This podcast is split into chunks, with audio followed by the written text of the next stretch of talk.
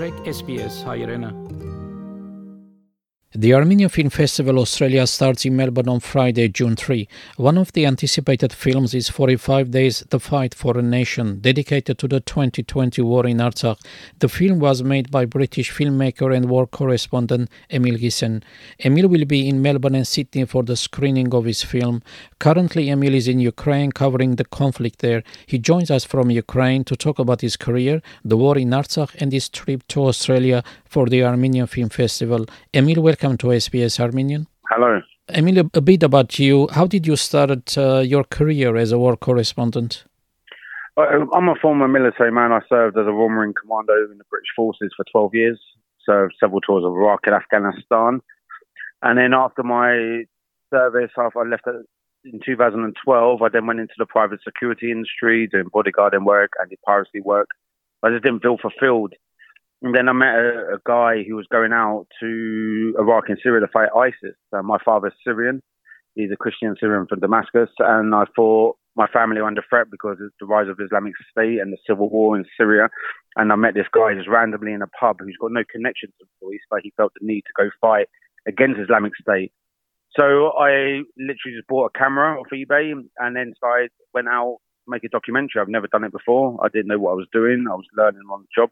So for two years, I was in and out of Iraq and Syria making uh, my first documentary called Robin Hood Complex, the fight against Islamic State, following volunteers and what motivates them to fight in someone else's war.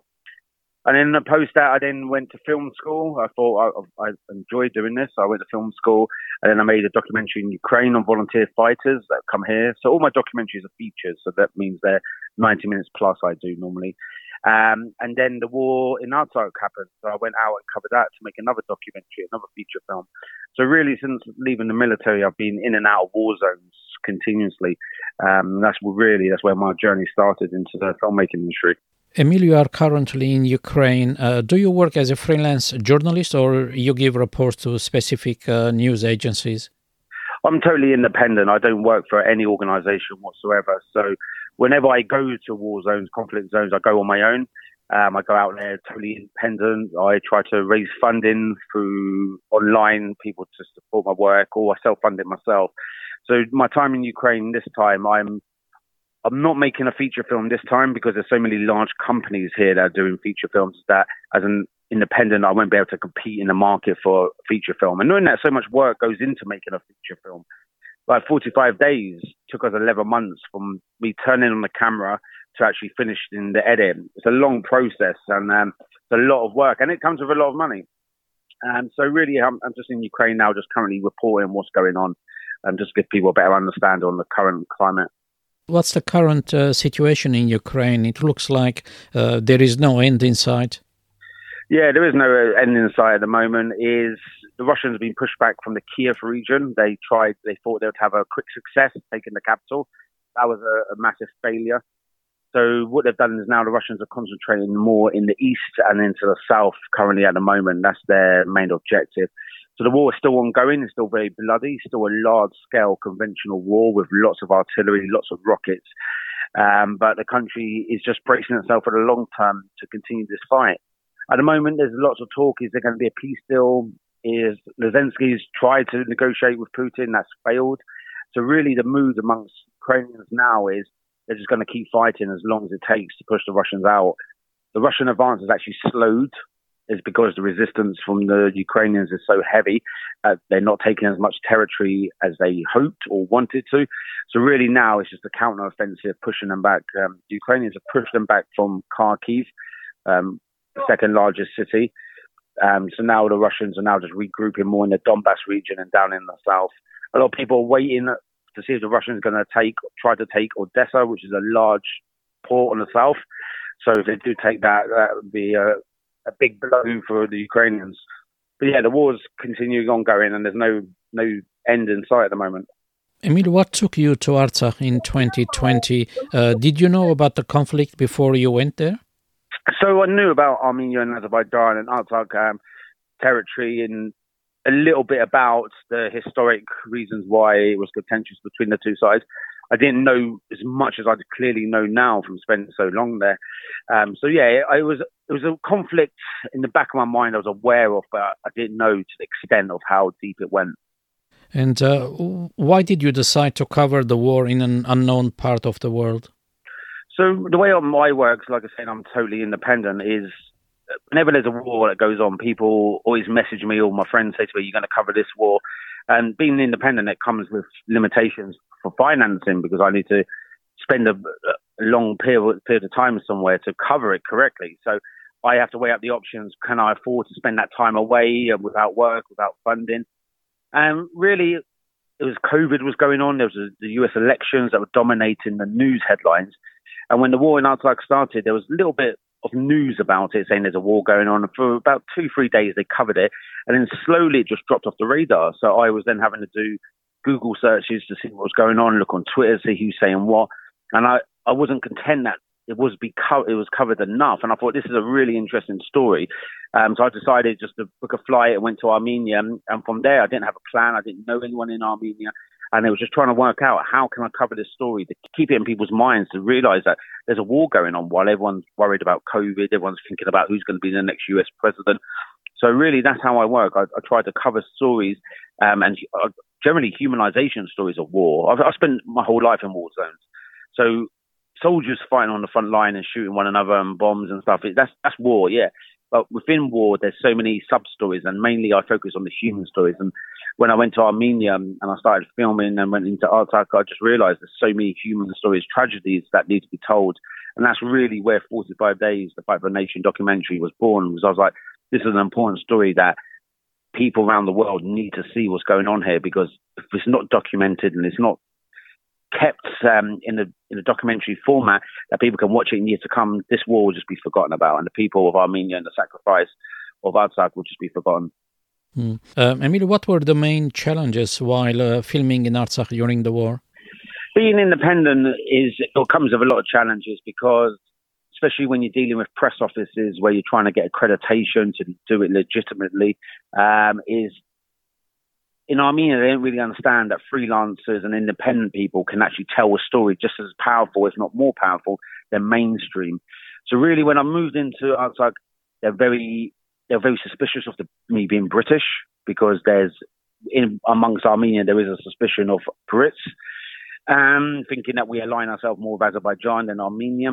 And not only that, it's just really they were just limiting what I could film during the war. They were very cagey about you can't film this, you can't film that, and I was trying to explain to them that I've spent my whole life in war zones. I understand operational security. I'm not going to film anything or show something that I shouldn't. And knowing that this is a documentary that's not going to be seen until after the war. Um, so really that was a limitation. Also, once again, the financing was a limitation. But then we set up a GoFundMe GoFundMe account, and then very much people supported our project, and we raised a decent amount of money to be able to fund the whole film uh, which was amazing. And most of that money came from the diaspora because their support was massive. So really, yeah, they're the limitations that I had making the documentary. Um, and knowing that, spending so long away from home, I, in total, I spent 11 months in Armenia, and have a 14 year old son now. So spending time away from my son, um, from my friends, my family, and everything, working on the project. So it was a really long journey to, from start to finish. Emil, did you have any connection to Armenians prior to going to Artsakh?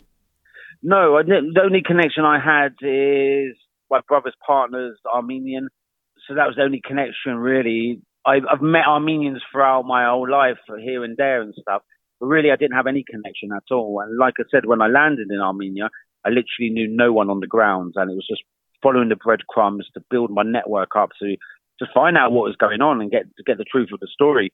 And since then, now I've got so many Armenian friends uh, because, like I said, I spent so much time in the country and just developing the story, listening to people to hear what was going on. But previous to being the war, no real connection to Armenia. And uh, how was the film received by Armenians in Armenia or in the diaspora and uh, non Armenians? So once we finished editing, um, my producer, he's an American Armenian, Osko, um, our editor is a man called AJ who edited and filmed um, Songs of Solomon. So he's got affiliation to the Armenian people.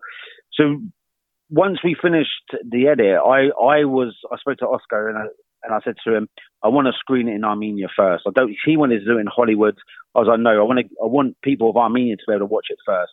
So as soon as we finished, we screened it in Yerevan. We had three screenings in Yerevan. where a lot of the soldiers came to watch it, a lot of the families who lost sons came to watch it. And, and as a director, it was very emotional because your work that you worked so long to produce is now being watched by people that have been directly involved in the conflict. And and one of the characters, Sarian, he he went to the front line to go for his son Gore's fighting. He went to the front line to go find his son, and his son died in front of him uh, in in Artsakh. And he came to the premiere, and afterwards he just got up and gave me a big cuddle and said, "Thank you for this. You've you've shown my son um, in a proud way, and that we will live. His memory will live on." Um, so really, that was a reassurance for our team to say, "Yeah, we've got this right."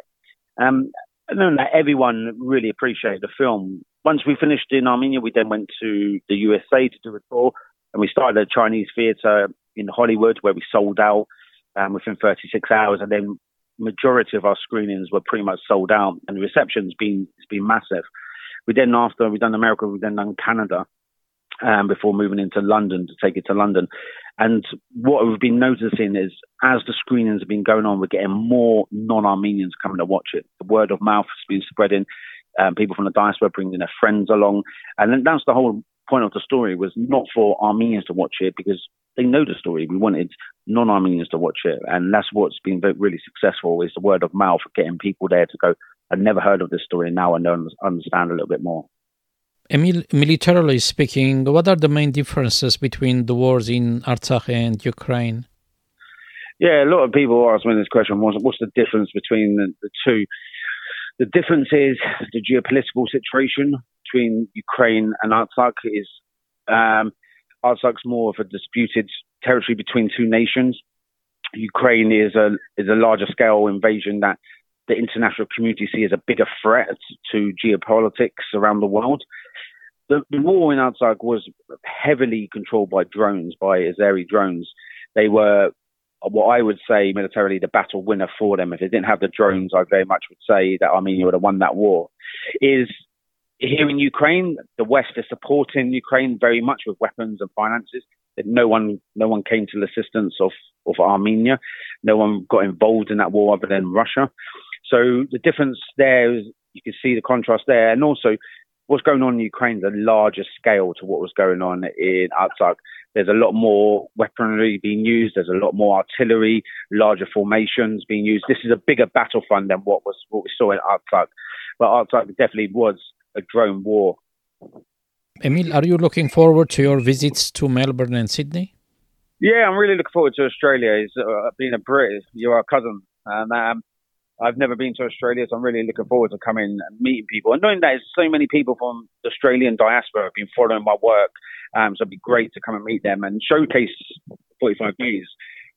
The whole point of this journey starting out was to get this to as many people as possible so that people can watch it, they can share it, they can tell their friends about it, especially their non-Armenian friends to come and watch it. So I'm really excited to come to Australia and, and just show the work that we've been put we've put into this project. Um, unfortunately, Oscar, the producer, won't be able to make it, um, nor AJ, the editor, but I'll be there uh, flying the flag and hopefully we have a great Q&A session. Um, so I'm really looking forward to Melbourne and Sydney. Uh, I'm sure there will be many more interesting questions to you. Uh, thanks for your time and the interview, Emil. Uh, looking forward to meeting you in person and uh, watching the movie. You too. Take care.